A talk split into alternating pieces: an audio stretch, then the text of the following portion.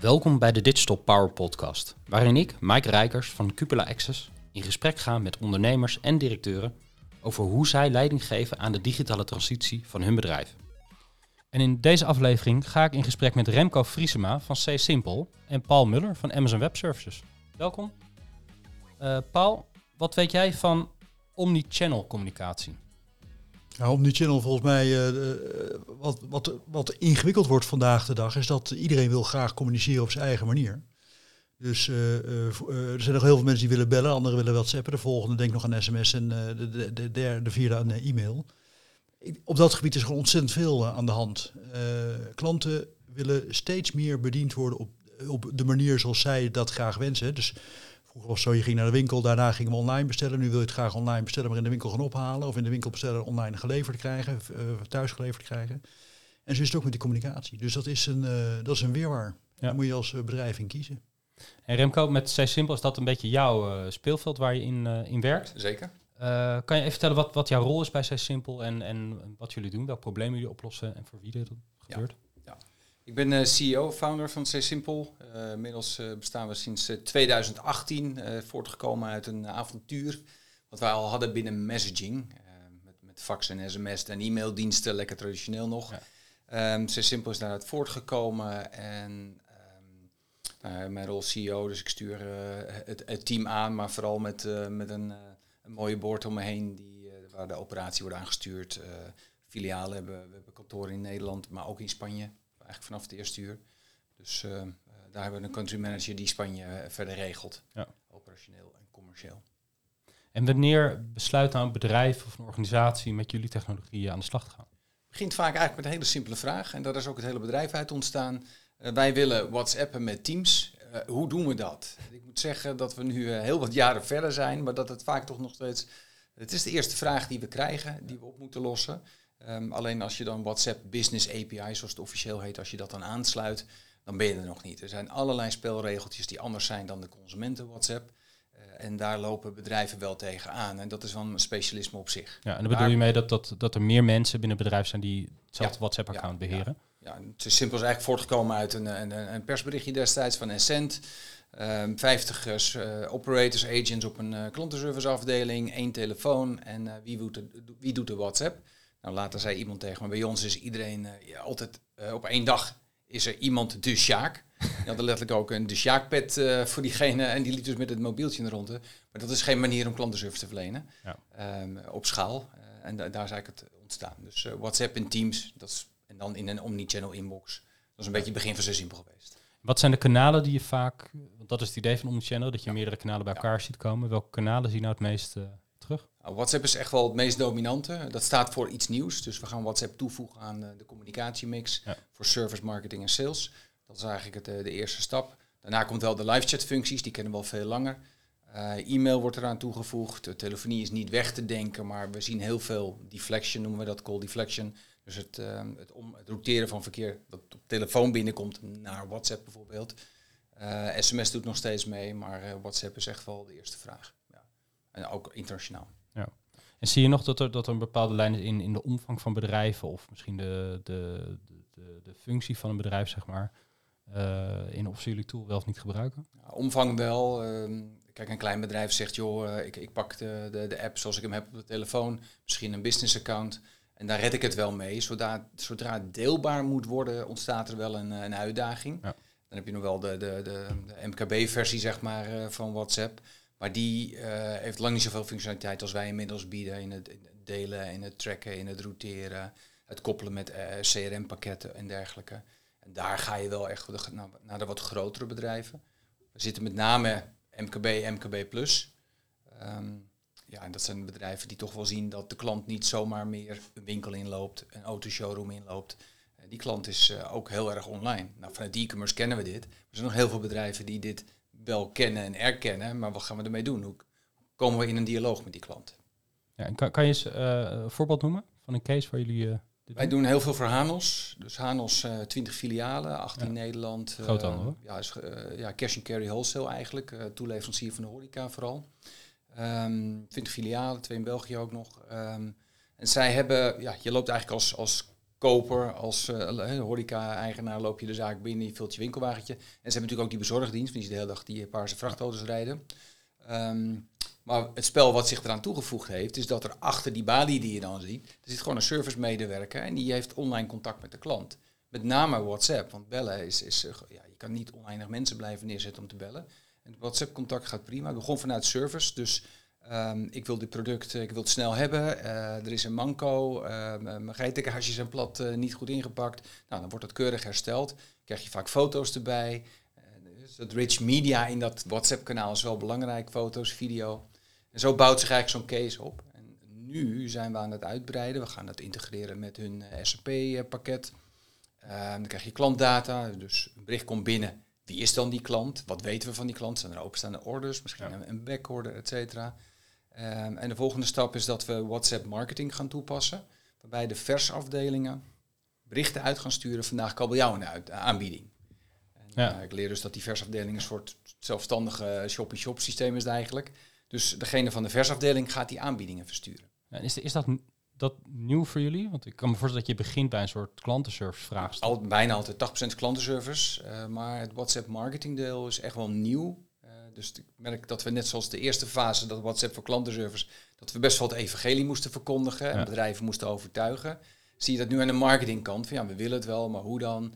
Uh, zijn, WhatsApp is nou eenmaal een bedrijf met veel spelregels, dus dat vergt wel begeleiding. Maar we hebben hele succesvolle cases. Is nou, hoe, hoe belangrijk, want uh, we hebben het nu even over WhatsApp. En je zei in het begin, het verbaasde eigenlijk een heel klein beetje, zei ook dat er toch nog, nog steeds een markt is voor sms, vreemd hè? Zeker. Toch, ja. uh, toch nog steeds. Hoe belangrijk zijn de social kanalen voor jullie? In de zin van, doe, is dat, is dat, speelt überhaupt een rol? Ik denk even aan de Facebooks van deze wereld, et cetera, dat mensen dat soort tools gebruiken. Of eigenlijk is dat toch voornamelijk toch echt wel, wel WhatsApp? Nou, die kanalen worden wel gebruikt, maar als je het vergelijkt met WhatsApp echt voor deze toepassingen, dan is het WhatsApp. Ja. Zeker in Nederland, ook in Spanje is bewuste keuze natuurlijk om daar te gaan zitten. En zo zijn er wel meer landen in Europa waar je echt wel WhatsApp als belangrijk kanaal ziet. Maar Facebook, uh, DM, dus ja. uh, Instagram, ja. al die marketingkanalen sluiten wij ook aan. Ja. Want het is wel fijn als het op één inbox binnenkomt. Ja, precies. Alleen dat soort verkeer is vaak marketingverkeer, dus het wordt meteen gerouteerd naar de marketingafdeling. Dan hoef je de klantenservice in instantie niet nee. uh, mee lastig te vallen. En dat is ook wat mooi van het platform, dat je die knelpunten in de organisatie, dat je er eigenlijk omheen routeert. En dat een bericht meteen ja, binnenkomt bij de juiste afdeling, persoon, vestiging, waar ook in de wereld. Ja. Uh, dus het, het werk op afstand en dergelijke zit ook allemaal in, uh, in dit verhaal. Ja, en wat, waar beoordelen jouw klanten jullie technologie op? De technologie wordt met name, ja, de, de, hele diepe technische vraag die wordt niet gesteld. Het moeten doen ja. natuurlijk. Dus, uh, maar waar, ze, waar wij op beoordeeld worden is uh, de, de, dus de usability. Dus hoe goed kunnen we werken met het platform? Hoe logisch is het? Hoe makkelijk komt een bericht binnen bij de juiste, uh, juiste teamvestiging persoon? Dat is belangrijk. Um, en in een, vaak in een tweede fase wordt er echt gekeken van oké, okay, we willen meer een 360 graden klantbeeld. Ja, dan moeten wij ons platform gaan koppelen aan de software die er intern gebruikt wordt. Ja, CRM-pakket, uh, ja. dealer management systemen, we doen veel planningssystemen werken veel voor automotive, dus heb je garageplanningssystemen bijvoorbeeld. Dus dat zijn de volgende stappen. En waar we nu steeds meer in terechtkomen, we zijn natuurlijk al een tijdje bezig, is uh, automatisch berichtverzending. Nou, dat kennen we een beetje vanuit de, de, de ziekenhuizen bijvoorbeeld. Hè. Het voorkomen van no-show, dat is een, uh, is een dure kostenpost. Wel een afspraak, ja. maar de, de, de, patiënt in dit geval komt niet uh, opdagen. Nou, dat geldt hetzelfde bij een autobedrijf of iedereen met afspraken en kapper. Je kunt dus heel makkelijk die berichten uitsturen. SMS hebben we erin zitten. Maar WhatsApp heeft gewoon een hogere attentiewaarde. Dus waar ja. we heel erg mee bezig zijn, nou, samen met uh, Bovee uh, onder andere, is het automatiseren van werkplaatscommunicatie. Want nu moet er gebeld worden. De klant neemt niet op, het duurt lang. Um, stuur een bericht en je krijgt wel een reactie, zeker op WhatsApp. Ook als de klant uh, druk is ja. tijdens een werkdag. En hoe, hoe, hoe, hoe, in hoeverre, je zei net, wij moeten het evangelie, moest je in het begin het evangelie van WhatsApp nog wel aardig ja. verkopen. Hoe, hoe sturend ben jij in die kanalen, zeg maar? Of, ligt dat ook wel bij die klant, zeg maar, die aankomt van ja, ik wil gewoon Facebook Messenger uh, gaan gebruiken. Zeker, de meestal krijgen we die concrete vraag. Nou, dat zit op een van de drie, vier populaire kanalen. Ja. Maar als je veel internationaal verkeer doet, als je meer richting Oost-Europa gaat, nou, dat kennen we nu allemaal. Telegram wordt daar ja. veel gebruikt. Hè. De koppel ook Fiber wordt er veel gebruikt. Ja. Uh, in de autohandel heb je vaak uh, nou, handel met Oost-Europa. Ja, dan wil je wel dat, uh, het juiste communicatiekanaal hebben. Nou, en dan, dan wordt het echt wel omni-channel. Dus we hebben echt wel bedrijven die twintig verschillende kanalen gekoppeld hebben. Ja. Of bijvoorbeeld alleen maar Google Business Messages op alle filialen.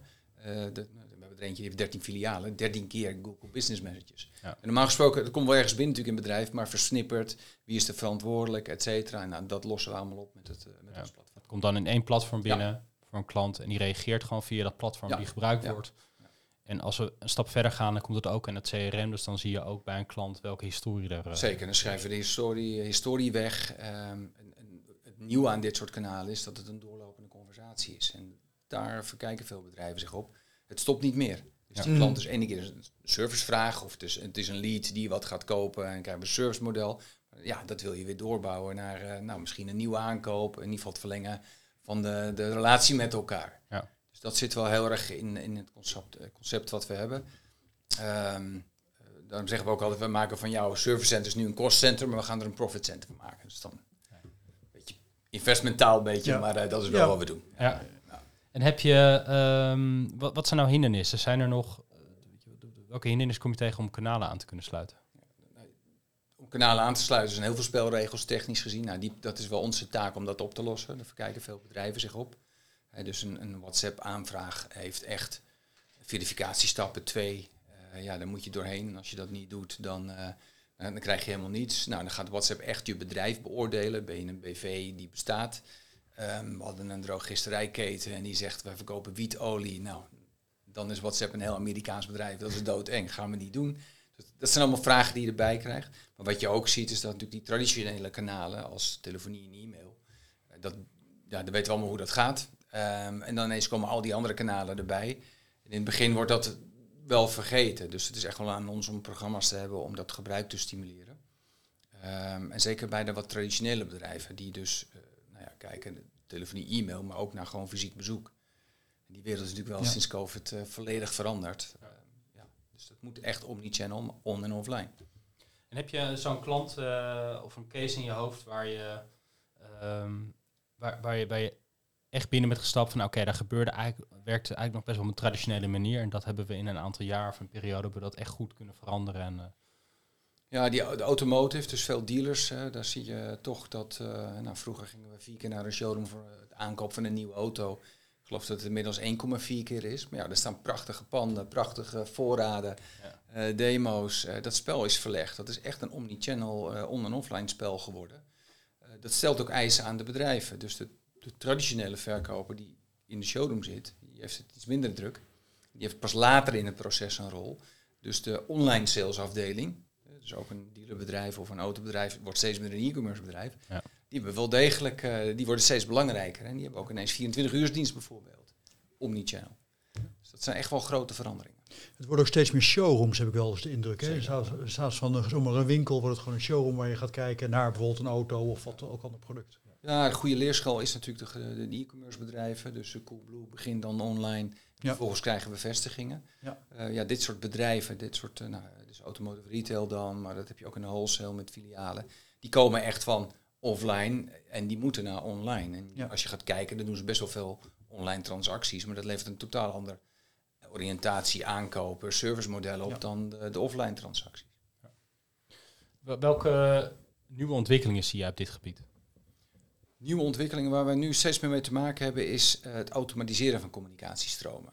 Dus um, je, je, koopt een product. We kennen het ook allemaal wederom van de e-commerce sites. Je koopt een product, je wordt op de, order, uh, op de hoogte gehouden van de orderstatus bijvoorbeeld.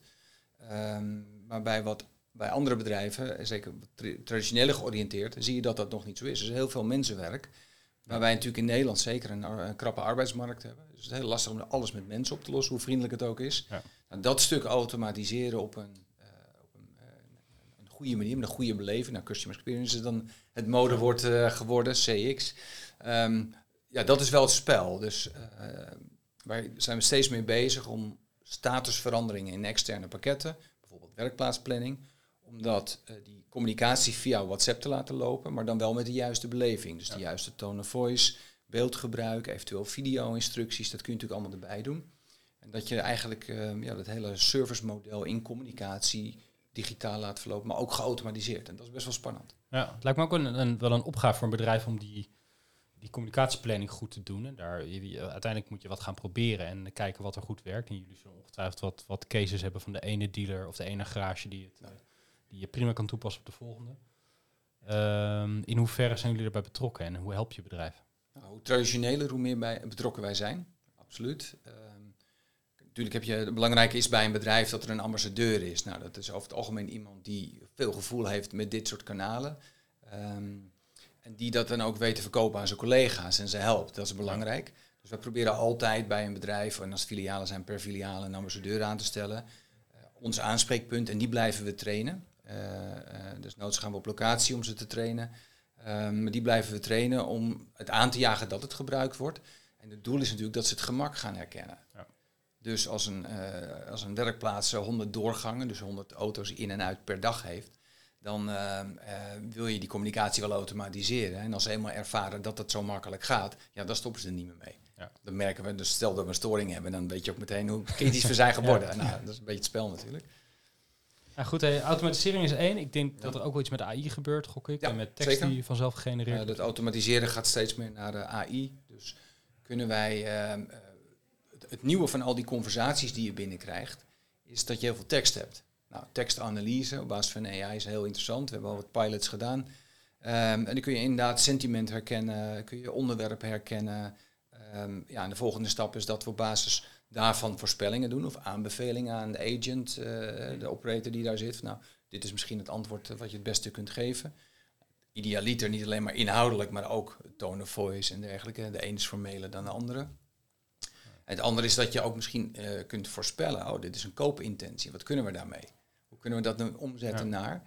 Uh, mensfactor blijft wel belangrijk hoor. Uh, dat Odido is natuurlijk nu heel erg... Ja. In de markt wordt het gezet in hoog tempo. Veel kapitein zeggen wij gaan terug naar persoonlijk klantcontact.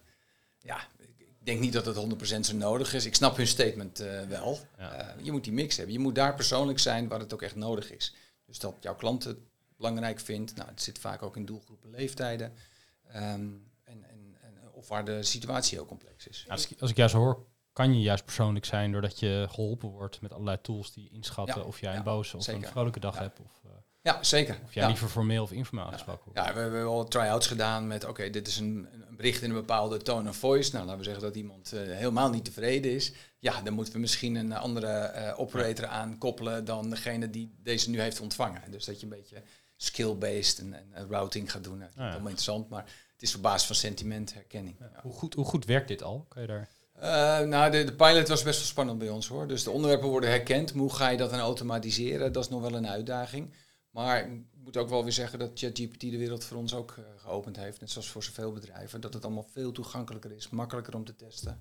Ja. Dus uh, nou ja, die pilot van toen, die zijn we echt wel hebben geheractiveerd. Om te kijken hoe we het plug-and-play toepasbaar kunnen maken. Want hele complexe toepassingen, daar zitten de meeste bedrijven, zeker de bedrijven die nu in die digitale transformatie gaan, die zitten daar niet op te wachten, dat kunnen ze niet aan. Kijk, die e-commerce bedrijven, zeker sinds COVID, die hebben een enorme uh, stap genomen, een enorme vlucht gemaakt in deze materie. Ja. Dus die hebben veel ervaring. En het gaat in ons geval zeker om die wat meer, ja, de bedrijven die nu komen. Ja, en dat, dat misschien, misschien, even kijken, interessant hoe jij als, je geeft ook leiding aan een, aan een innovatieve technische organisatie. En uh, je zal niet van elke technologie alles weten. Hoe, uh, hoe, geef je je leiding aan? Dat mensen gaan dit soort pilots gaan doen en dat ze aan de slag gaan. Sta je daar middenin of is jouw team die dat, uh, dat een beetje probeert, zeg maar? Nou, we proberen heel erg te kijken naar de business. Dus de, nou, de, de, de, de verkopers bij ons, die hebben veel feeling met de klant. We hebben een andere rol, business development. Dan zie je dat we het breder aanpakken. Dus verkoop is toch vaak van, nou, dit is het pakketje, zo kunnen we het verkopen. Business development is breder denken, wat is nou echt het probleem van de klant? En hoe kunnen we dat oplossen? Zit het al in ons platform of, of moeten we daar andere dingen voor gaan bedenken? Ja, uh, ja en klanten zelf zijn natuurlijk, als ze eenmaal de, de smaak te pakken hebben, dan zijn ze het slimst van allemaal, want ze kennen de bedrijfspraktijk ja. het best. Daar komen hele goede ideeën uit. Wij uh, doen eens in de zoveel tijd doen we sessies waarbij we die ideeën bespreken, zo compact mogelijk, want heel veel ideeën leidt alleen maar tot heel veel uitbreiding. Zo compact mogelijk en kijken hoe wij dat snel kunnen toepassen en dat we snel de praktijk in kunnen gaan. Want die try-out is voor ons belangrijk. Ja. En hoe besluit jij nou als, als, als leider van het proces, hè, van oké, okay, met deze technologie of deze oplossing gaan we verder. Nu gaan we nu een pilot mee opzetten. We gaan erin investeren, we gaan naar klanten toe. Ja, dat is, een, dat is natuurlijk ja, echt business case gedreven, maar ook bedrijfseconomisch ge, gedreven. Dus de investering moet eh, uiteindelijk wel weer gaan lonen. Want alleen maar innovatief zijn, ik ken ook bedrijven die dat doen, fantastisch natuurlijk. Eh, maar dat is, dat is in ons geval niet haalbaar. We moeten het vrij snel kunnen toepassen. En omdat wij MKB, MKB Plus hebben, moet je het ook wel betaalbaar kunnen leveren. Dus daar zit ook plug-and-play en betaalbaar. Want, ja, heel veel budget is prachtige innovaties. Uh, in ons geval moeten we het echt per stapje doen, dat de bedrijven het aankunnen, maar dat we het zelf aankunnen. Dus operationeel, maar ook financieel. Dus daar zit echt wel een uh, berekening achter. Ja. Ben, ben jij zelf echt nog betrokken daarbij? Of is het puur van, oké, er is een idee en je krijgt die berekeningen, daar beoordeel je van, jongens, ga er maar verder mee? Ja, uh, ja eindbesluit zeker wel. Dat is het investeringsbesluit over het algemeen. Maar de berekeningen worden zeker binnen het team en de case-uitwerking wordt binnen het team gedaan. Dus de business developers doen dat aangevuld met wat marketing inmiddels heeft ontdekt. Uh, en vervolgens hebben wij de, de, product owner zelf, die daar een totaal case van maakt. die enerzijds weer terug te vertalen is naar de klanten om te valideren. Is dit wat, wat, wat jullie willen? Denken wel, hè, is dit een oplossing voor jullie? En anderzijds naar de technische afdeling. Hoe kunnen we, kunnen we het maken zo? Want eh, eh, als je die de vrije hand geeft, uh, geeft, krijg je fantastische dingen. Maar het is niet altijd in de praktijk haalbaar om daar succesvol mee te worden. Dus en die technische tools die jullie over, zeg maar, wat ik, jullie bestaan al, al een tijdje, maar over de, door de tijd heen zijn gaan gebruiken heel erg veranderd. Zijn, we hebben nu een heel ander platform staan dan uh, een paar jaar geleden? Of valt het, is het eigenlijk allemaal wel een soort van dezelfde technologie gebleven? Nou, we hebben uh, oorspronkelijk ben ooit begonnen met een webbureau. Nou, daar hadden wij uh, vrij compacte technologie. Uh, dus, mm. dus, PP, MySQL was het ja. vrij compact. Nou, en uiteindelijk toen we dit gingen doen, zijn we wel meteen begonnen met AWS bijvoorbeeld. Ja. Ehm, en ik weet nog dat we daar de eerste onderzoeken naar deden. waren geloof ik duizend functies beschikbaar. Nou, wij maakten daarvoor alles van scratch af aan. Dus we hebben ooit het Sperrip Express platform gemaakt van scratch af aan. Ja. Uh, en nu ineens hadden we duizend functies. Nou, ik weet niet hoeveel er nu zijn, maar uh, dat zijn er heel veel inmiddels. Uh, dus daar leunen we wel op. En, en, we pakken nu per toepassing de beste technologie die erbij hoort. Ja. Dus zowel front-end als back-end. Ja. Dat was vroeger wel anders. Ik denk dat heel veel SaaS-bedrijven dat inmiddels wel zo doen. Ja. Maar dat was vroeger wel anders. Dan had je toch compacte applicaties qua techniek, maar de schaalbaarheid was daar wel een uitdaging. Ja. Dat is onze ervaring altijd. Wat was voor jou, uh, wat, wat was voor jou nou de grootste uitdaging om, om uh, toch die, die drive om te vernieuwen en te innoveren, om dat uh, binnen je organisatie te laten lopen? De drive extern is, loopt bij klanten naar binnen. En ja, je ziet gewoon dat ze problemen hebben en we kunnen ze voor een deel zeker oplossen. Zeker in communicatie, in het automatiseren, makkelijker maken en procesmatig. En het ook vercommercialiseren.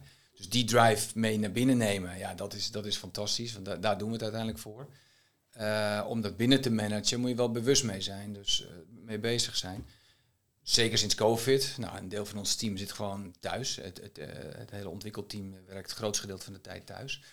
als, je niet, als je niet oplet, dan wordt het heel erg actiematig gericht. Oké, dit is de sprint. We gaan deze stories wegwerken. Gedaan. nou, door de test gekomen live.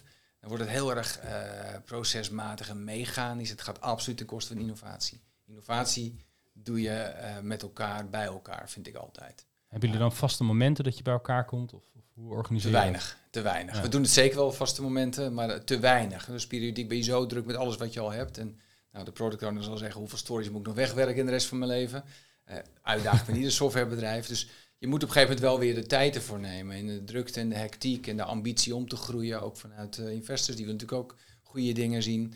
Um, ligt er veel druk op. En vergeet je vaak toch weer terug te gaan naar de tekentafel. We moeten innoveren. Want we hebben deze nieuwe dingen ontdekt. Of deze uitdagingen bij klanten. Ja. Dus bewust is nooit genoeg, vind ik al. Ja. ja. En waar haal jij nou zelf jouw inspiratie vandaan? Want ik kan me voor dat klanten zullen ook wel iets van richting of oplossingen geven. Maar ik denk met name iets waar ze tegenaan lopen. Een probleem of een uitdaging. Hoe zorg jij nou dat je snel oplossingen weet? Nou, ik, ik, ben, ik, heb zelf een marketingachtergrond, dus uh, ik bedenk eigenlijk alles uh, conceptmatig. Zie een uitdaging, of het nou in de communicatie, in de sales of in de services, of welk aspect dan ook. Dus die uitdaging ligt en hoe kunnen we dat nou slimmer maken? Nou, dan wil je, marketing beginnen ook met een concept, we geven er een naampje, catchy, catchy teksten erbij, et cetera. Maar je moet het ook kunnen toepassen en de ander moet het begrijpen. Dus dat concept rondmaken, daar begint het eigenlijk mee. Uh, ja, en dan maken we presentaties, die pitchen we dan bij klanten. En dan die validatie terughalen, vroege fase, is echt heel belangrijk.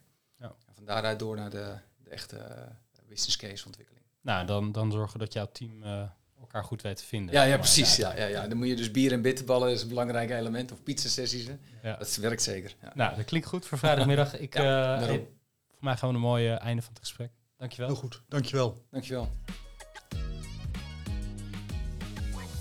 Bedankt voor het luisteren naar de Digital Power Podcast. De Smart Business Series zijn opgenomen in de koepel in Haarlem en powered bij Amazon Web Services, Cloud Nation en Luminous. Je leest meer op cupulaaccess.nl slash digitalpower.